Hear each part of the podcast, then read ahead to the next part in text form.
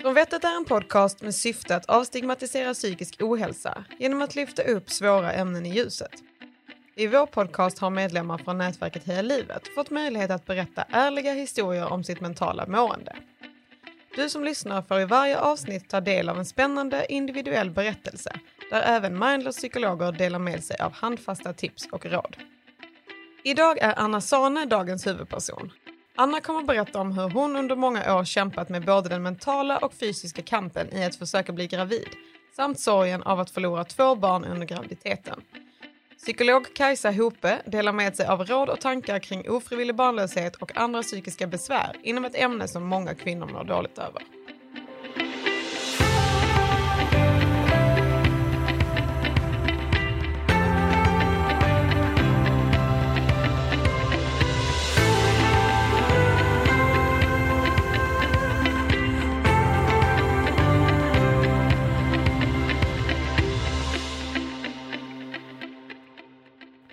För eh, lite mer än tre år sedan så bestämde jag och min man oss för att det var dags att skaffa barn. Eller ja, bestämde och bestämde, det var väl mer ett sånt här icke-beslut, eh, typ nu tar jag ut spiralen. Och eh, ja, det kändes ju lite läskigt, men jag anade absolut inte att det var någonting som skulle ta över hela mitt liv och göra mig till en annan person och till och med få mig att börja jobba med fertilitet.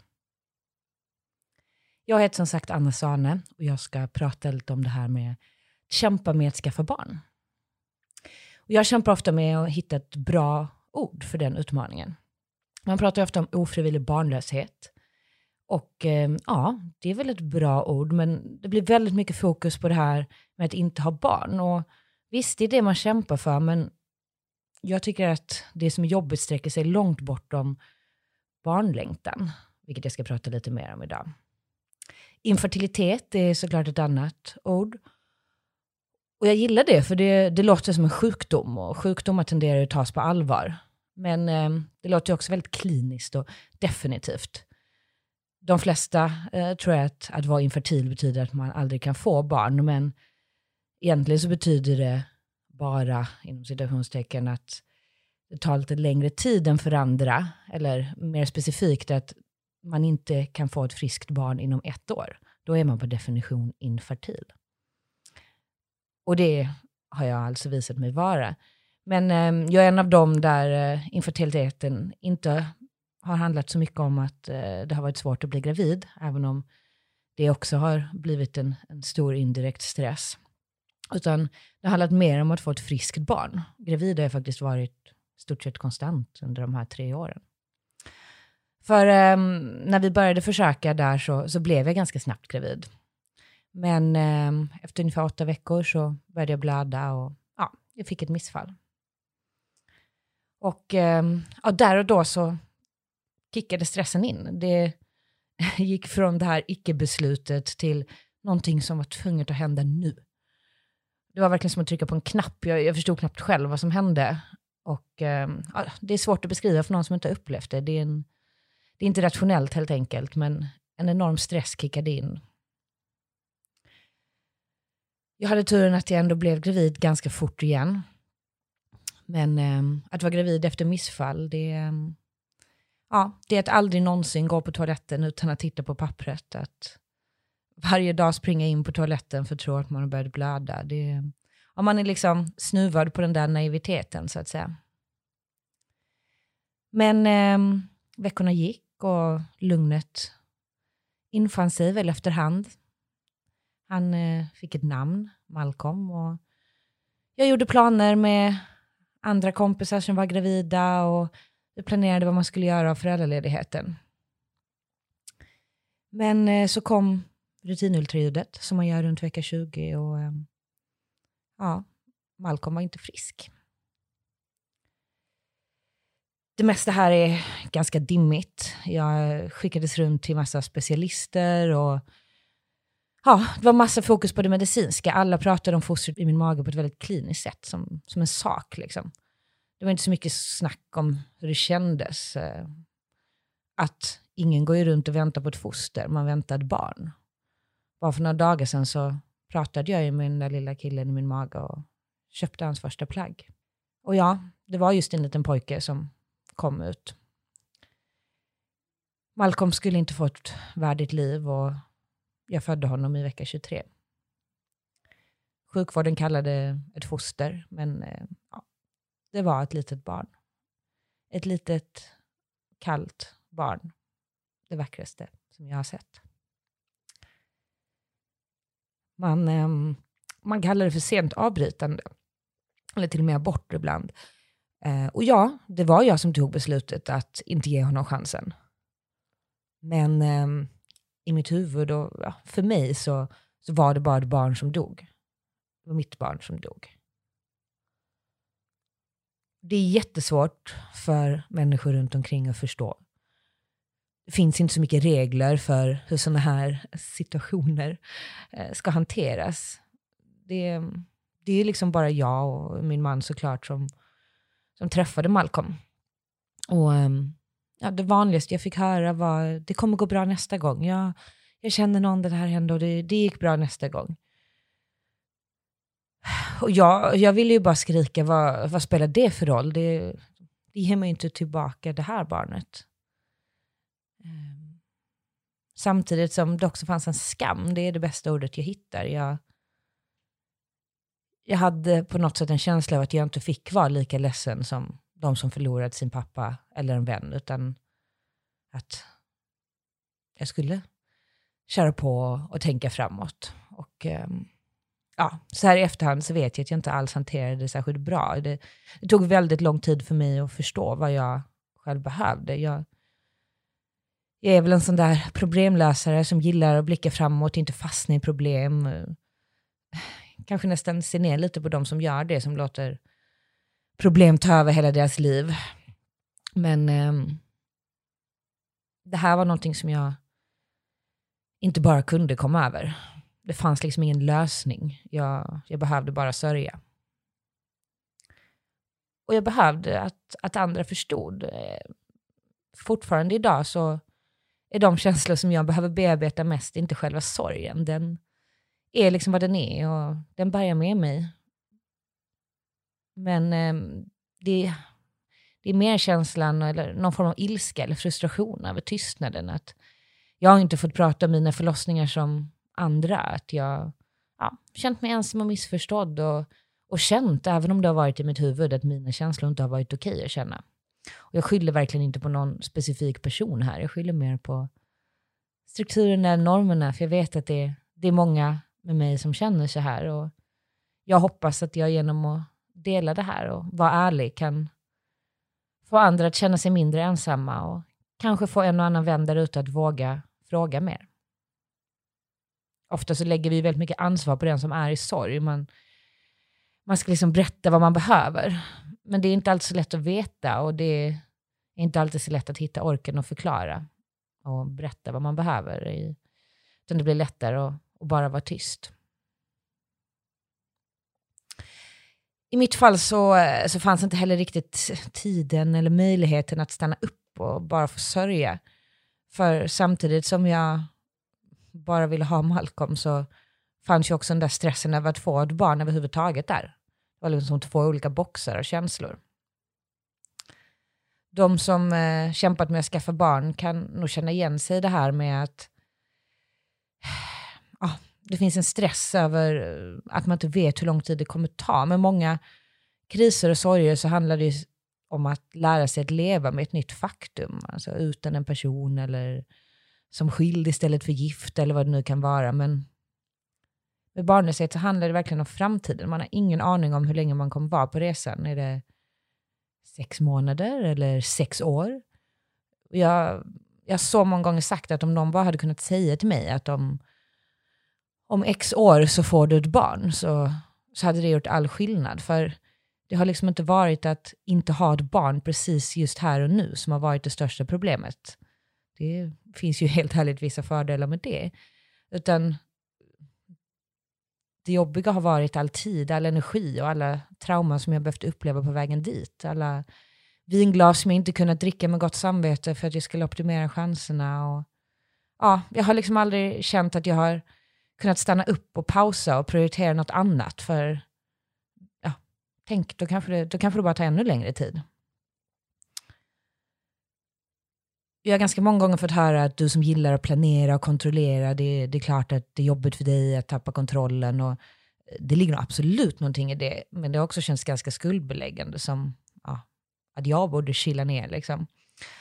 Um, och det är klart att det skiljer sig från person till person hur man hanterar saker, men i mitt arbete så har jag också varit i kontakt med flera hundra kvinnor i över 20 länder och känslorna verkar vara ganska universella. Vi, vi människor gillar ju liksom att vara i kontroll. Det, det är bara så.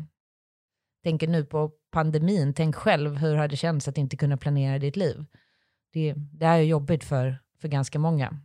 Det är liksom lätt att säga till oss att ska ni inte bara ha den där stora bröllopsfesten som ni vill ha och släppa det här lite. Men ja, jag vill verkligen inte vara gravid när vi har den där festen och nej, jag har inte haft tid att bara pausa det här ett år för en fest. Så att det blir liksom mycket som är on hold så att säga. Även om det är mycket banala grejer så, så påverkar den. Och så finns det ju såklart massa andra känslor som att man känner sig misslyckad, utanför och avundsjuk. Jag har nog aldrig tänkt att jag skulle förverkliga mig själv genom att skaffa barn, men ja, du som har barn, liksom, tänk hur mycket i ditt liv som ändå cirkulerar kring det. Det är ofrånkomligt och helt normalt såklart. Man pratar om sitt barn, man gör grejer med sitt barn och att, att få barn är något som firas oerhört mycket. Och att välja att inte skaffa barn är ju en sak. Jag kände inte så här innan det plötsligt inte var det var längre, utan det var ju när jag liksom på något sätt verkligen ville vara med men inte fick. Jag kunde inte kontrollera det själv. Då, det blir ett utanförskap. Um, man, uh, ja, det är liksom som att inte bli bjuden på en fest eller inte få ett jobb. Så jag tror alla kan relatera till den känslan. Och man blir påmind hela tiden. För det är så mycket runt en som cirkulerar kring, eh, kring barn. Alltså, fortfarande idag så kan inte jag läsa en intervju med någon utan att kolla den här faktarutan eh, om personen och räkna baklänges kring hur gamla de var när de fick sitt första barn. Oftast yngre än vad jag är och så känner jag mig lite misslyckad. Och det är helt idiotiskt för jag tycker ju inte själv att det finns någon särskild ålder som man ska skaffa barn med. Men jag kan liksom inte sluta. Det är någon hang-up. Och ja, det här med när vänner och folk runt en blir gravida, det är ju också ett kapitel för sig. Jag vet inte vad som är värst, det är hur jobbigt det är att få veta. Eller om det är det dåliga samvetet över att man känner så. Alltså sorgen över att inte kunna vara den där normala tjejkompisen som blir glad och ställer frågor och undrar hur allt går. Eller över att man märker hur jobbigt folk tycker det är att berätta. Att man liksom måste vara den där jobbiga personen som folk trippar på tår runt. Jag läste något citat någonstans att infertility is the morning of normalcy. Och så är det verkligen. Visst, jag har velat ha ett barn, men helst av allt har jag bara velat ta tillbaka mitt liv och mig själv, som jag var innan.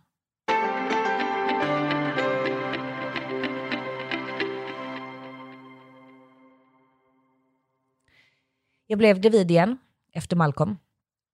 Och eh, jag trodde verkligen att allt skulle gå bra. Det, det var väl den där känslan av att nu kan ju ingenting gå fel.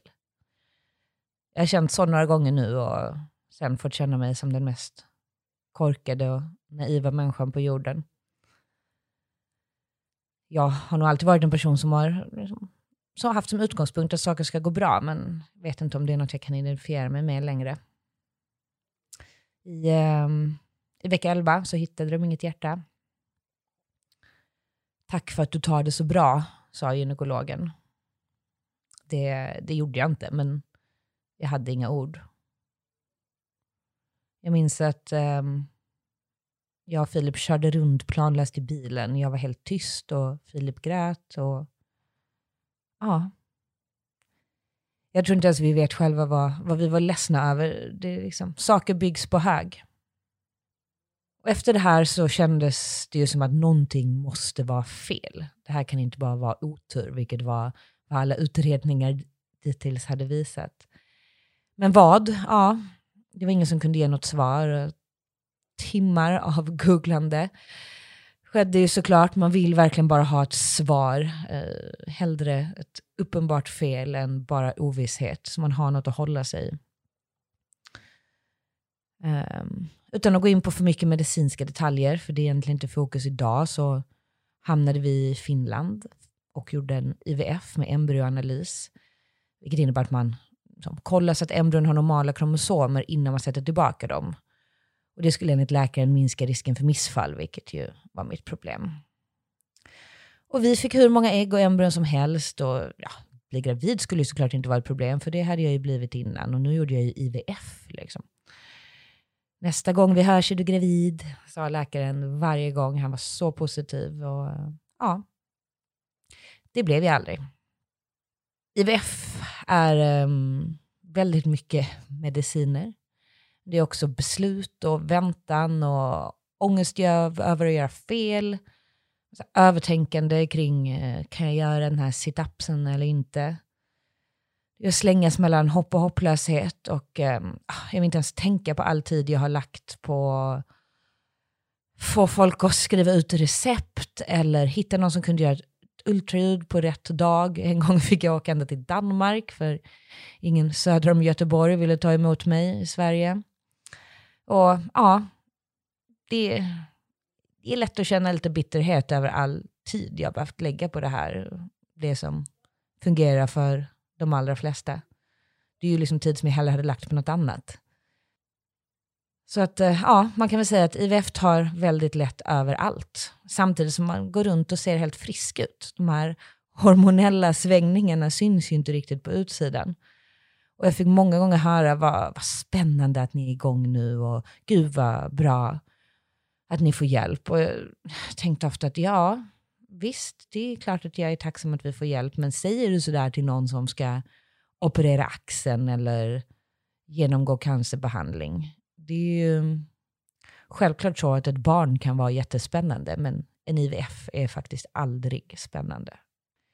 Jag blev alltså inte gravid med IVF trots många försök och helt plötsligt så kändes det där med att minska, minska missfallsrisken ganska meningslöst när jag inte ens kunde bli gravid. Så ehm, ja, vi tog en paus och jag blev såklart gravid direkt utan IVF. Jag eh, fick gå på massa extra koller och allt såg bra ut. Jobbade mycket med att övertala mig själv att våga tro på det här. Och så någonstans runt vecka 17-18 så, eh, så blev det svart igen. Vår eh, dotter, Aja, var inte frisk. Det blev en eh, förlossning till. Och eh, en gång till så fick jag sprida askan efter ett barn på min favoritplats i Skåne. Och en gång till så kände jag mig som den ensammaste människan på jorden. På något konstigt sätt så var jag såklart också bättre rustad. Jag visste vad jag skulle begära vid förlossningen. Jag vågade ha henne hos mig så precis så länge som jag ville, hela natten. Jag stängde om omvärlden ganska länge efteråt, förväntade mig inte lika mycket. Samtidigt som jag berättar allt det här så, så sparkar ett nytt litet barn i min mage. De säger att han är frisk, även om jag har svårt att tro på det. Och han föds förhoppningsvis, måste jag säga, för att inte jinxa det här, om bara ett par veckor. Det är såklart helt fantastiskt och underbart på så många sätt. Men eh, jag har också kommit att hata alla historier om barnlöshet eller infertilitet i media som jag tycker alltid eh, går i stil med jag längtade så mycket och det var så jobbigt, men så kom han eller hon och då var allt värt det. ja, alltså, jag förstår att jag låter lite bitter nu, men ja, det är klart det var värt det. Precis som att en cellgiftsbehandling är värd det för att få leva, men det betyder inte att det suger att man behöver göra det. Ta inte bort allt man har gått igenom och i mitt fall inte sorgen över de barn som inte har fått stanna Jag kan väl säga att det är många känslor för mig att balansera just nu. Och, um, försöker ta en dag i taget och vara snäll mot mig själv. Lära mig att validera mig själv istället för att förvänta mig att omvärlden ska göra det hela tiden. Jag låter mig själv uh, sitta en hel lunch och köra gravidsnack även om Jag har en jävel på min axel som undrar vad jag håller på med och får mig att känna mig att jag bara går runt och låtsas.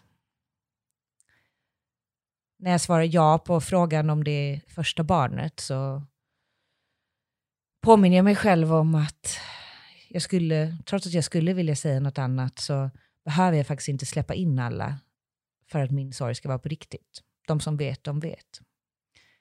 På vår dotters ettårsdag i påska så ville jag att hela världen skulle stanna, men det blev ganska okej att bara min och min mans gjorde det också. Det känns helt främmande att jag ska komma och skicka updates och bilder från en förlossning här om några veckor. Det gjorde jag inte de andra gångerna. Och vad då skulle det här barnet vara mer värt? Sådana där tankar. Samtidigt som jag ju verkligen bara såklart vill välja livet och att den här lilla pojken, ja, han ska ju inte behöva leva i skuggan av vår historia. Och jag vet att det inte kommer bli så heller, det vet jag. Det är bara mycket känslor. Och eh, ja, jag tror det allra viktigaste, och det här gäller nog oavsett vilken kris eller sorg man går igenom, är att låta sig själv eh, känna alla känslor och acceptera att många av dem är bortom ens kontroll. Det är trauman, inkörda reaktionsmönster som liksom inte går att ta bort med viljestyrka. Och man, ehm, eh, man får försöka inte låta dem ta över, men heller inte låta dem få en känna sig svag. Jag läste om en kvinna som eh, var med i någon skolskjutning som sa att det tog år innan hon kunde gå in i en lokal utan att kolla vad nödutgångarna är. Och det lät ju helt rimligt. Så ja, jag brukar tänka på det och tänka att varför skulle jag inte ha sådana spår kvar, även om jag nu har haft den fantastiska turen att få ett barn. Och ja, det är klart att på många sätt så lever jag också bättre nu än innan. Jag bryr mig mycket mer om här och nu. Jag bryr mig mycket mindre om ganska mycket som kanske inte var så väsentligt. Så ja, det, det är klart att det finns en sanning i det där att, att motgångar gör oss starkare. Känslan av misslyckande kryper sig eh, ofta på, ibland ändå. Känslan av att livet svek mig lite. Men ehm, just nu så funkar det allt som oftast att påminna mig själv om att då istället tänka att eh, helvete vad lyckad jag är som har klarat allt det här och fortfarande lever och, och faktiskt njuter av det. Ja, till sist vill jag också säga att något som också ger mig väldigt mycket kraft är att få jobba med de här frågorna. Det gör att jag känner att allt det jag har gått igenom, att det ändå finns någon form av mening med det, för att jag kan använda det till någonting bra. Jag eh, har startat ett bolag som heter Tilly och eh, ja, vi, eh, vi säljer bland annat ett test som ska hjälpa kvinnor att förstå sin fertilitet bättre och tidigare. Och eh, kommer också snart lansera en app som ger vidare stöttning kring både hur man hittar rätt i informationsdjungeln men också mental stöttning. För det, det är så många som känner sig ensamma och missförstådda. Och, eh, jag eh, hoppas att det, det, kan förändras. Det går inte att göra det enkelt, men kanske lite enklare och lite mindre ensamt. Det tror jag faktiskt. Så eh, till er som oroar er över er fertilitet så får ni jättegärna kolla in på mytilly.co och utbilda er själva. Jag brukar säga kunskap är makt. Och till er som kämpar, jag ehm, tänker på er och eh, jag blir också jätteglad om ni vill höra av er och berätta vad ni saknar allra mest på resan så att Tilly kan försöka göra någonting åt det. Tack så jättemycket för att ni har lyssnat.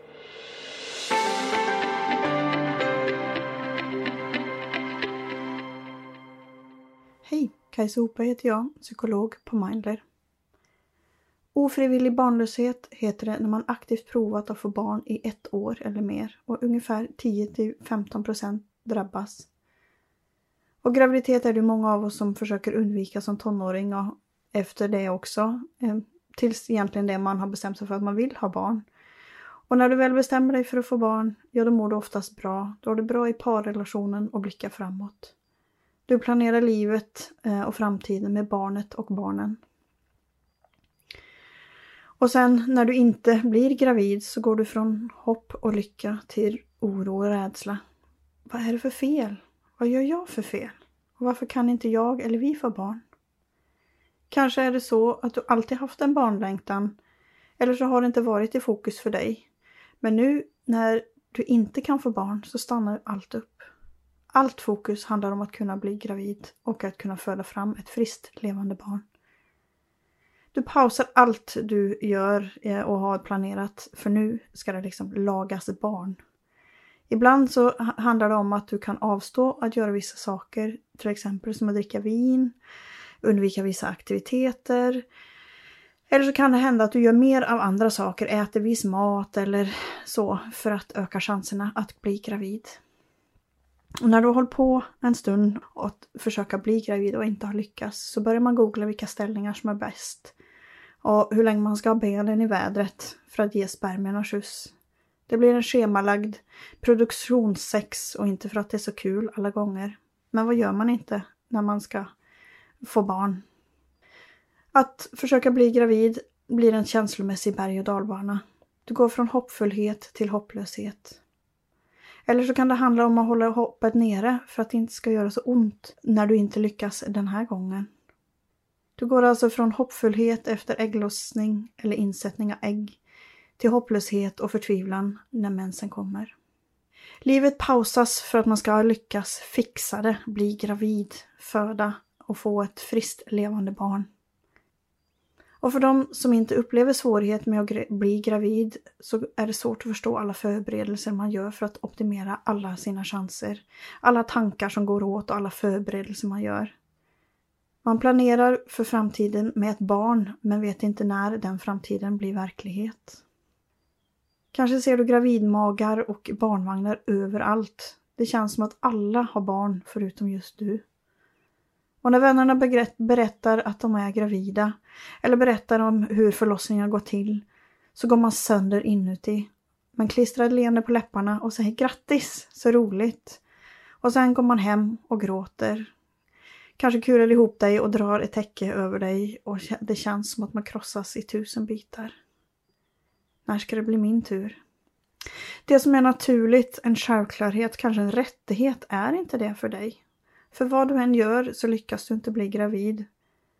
Du är fråntagen kontrollen över ditt eget liv. Vad du än gör så löser du det inte. Och man vet ju inte när det kommer att lösa sig, eller om. Det stora ommet. Kommer jag bli gravid? Kommer jag bli gravid idag, om en månad, om ett år? Eller vad om det aldrig sker? Eller om du lyckas bli gravid men får ett missfall så hamnar tankarna i att kommer det bli missfall igen? Eller kommer jag kunna lyckas denna gången att föda ett friskt levande barn? Du brottas med de här tankarna och det känns omöjligt att koppla bort dem. Och hur länge ska man hålla på med alla förberedelser, alla försök? När ska det bli min tur, vår tur, att få barn? När ska vi lyckas? Att inte kunna bli gravid känns som att man tappar kontrollen över sitt liv och målet med livet och det kan skapa känslor av skam och skuld. Skammen över att känna sig annorlunda, utanför den som inte klarar av att få barn. Det kan också skapa en enorm rädsla och stress, både hos dig eh, och hos din partner och det kan påverka parrelationen negativt. Så hur skapa kontroll i en situation som inte går att kontrollera? Ja, det gäller att hitta sätt att kontrollera små delar, fragment. Till exempel, hur länge ska man försöka få barn innan man söker hjälp? Vilken typ av hjälp vill du ha? Och kanske fundera på vad du vill göra om det inte går med hjälp av IVF. Är adoption en möjlighet för dig? Vissa lyckas bli gravida men förlorar barnet under graviditeten. Och du har äntligen lyckats men så dör barnet i magen. Skammen och skulden kan göra sig påmind. Din omgivning vet inte vad de ska göra. Många känner sig obekväma, rädda för att säga fel, göra fel. Välmenande kommentarer som “men prova igen, skaffa ett nytt barn”. Det gör att man känner sig ensam och isolerad i sin sorg, för ingen förstår hur du har det. Det är ju inte bara att fixa ett nytt barn. Man har ju förlorat det där barnet som fanns i magen. Och när man förlorar ett barn i magen så förlorar man också det liv man planerat med det barnet. Ingen frågar om förlossningen, om det nu så är att du föder fram barnet. Och det blir ingen föräldragrupp eller barnvagnspromenader. Istället så kan man känna sig osynlig med sin smärta och sorg, med det traumat som du befinner dig i. Och andra drar sig undan för de förstår inte och vet inte vad de ska säga. Vad kan man säga egentligen? Och kanske drar du dig också undan för smärtan känns outhärdlig. Att bli gravid och få barn är inte lätt för alla. Många får kämpa, men många blir också även gravida och föder ett friskt och levande barn, antingen av sig själva eller med hjälp av IVF efter ett tag. När man är mitt uppe i sin rädsla och sorg över att inte få barn så känns det helt omöjligt att tänka sig ett liv utan. Man vill inte höra när någon föreslår eh, det. Men det är möjligt. Och vägen dit handlar om att tillåta sig att sörja. Sörja den dröm och det liv som du hade tänkt och planerat och önskat. Det liv du har sett fram emot. Det föräldraskapet du trodde du skulle få och de barn du tänkte du skulle få. Och även om man inte får barn så är det faktiskt möjligt att vara omhändertagande eller ta hand om andra i andra situationer. Vissa kan känna att de kan starta en stödgrupp eller berätta om din sorg eller process för andra. Alltså att du hjälper andra i sin resa när det gäller att vara ofrivillig barnlös. Vissa kan se glädje i att till exempel hitta ett mentorskap för ungdomar eller de som har turen att ha eh, barn i sin närhet, till exempel i väns vänskretsen eller släkten, kanske kan hitta en ny roll som den goda vuxna i barnet eller barnens liv. Eller så finns det också så att de som kommer fram till att det att inte ha barn kan ge dig frihet och möjligheten till att utveckla intressen du haft, men till exempel pausat under den tiden du försökt få barn. Eller till och med hitta nya intressen nu när du har liksom ett nytt livsmål. För det är ju faktiskt så att det att inte ha barn ger en frihet med många möjligheter. Att kunna flytta fokus från ett liv med barn till ett liv fyllt av andra möjligheter är faktiskt möjligt efter du har tillåtit dig att sörja. Sörja det liv du hade tänkt dig. Och när du har gått igenom den processen så kommer du också hitta ett nytt mål. Vi psykologer kan vara ett stöd mot er resa att få barn, vare sig du kämpar med att få barn eller är gravid eller vill ha hjälp med att hitta ett nytt mål i livet utan barn.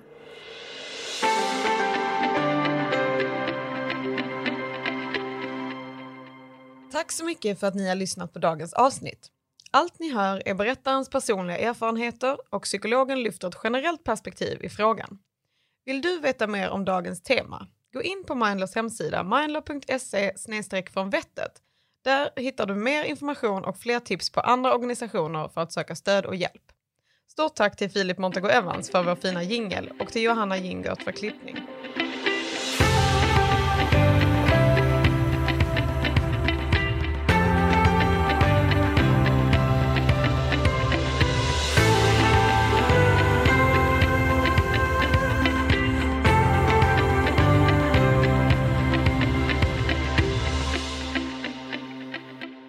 Från Vettet är ett samarbete mellan Heja Livet och Mindler, psykolog online.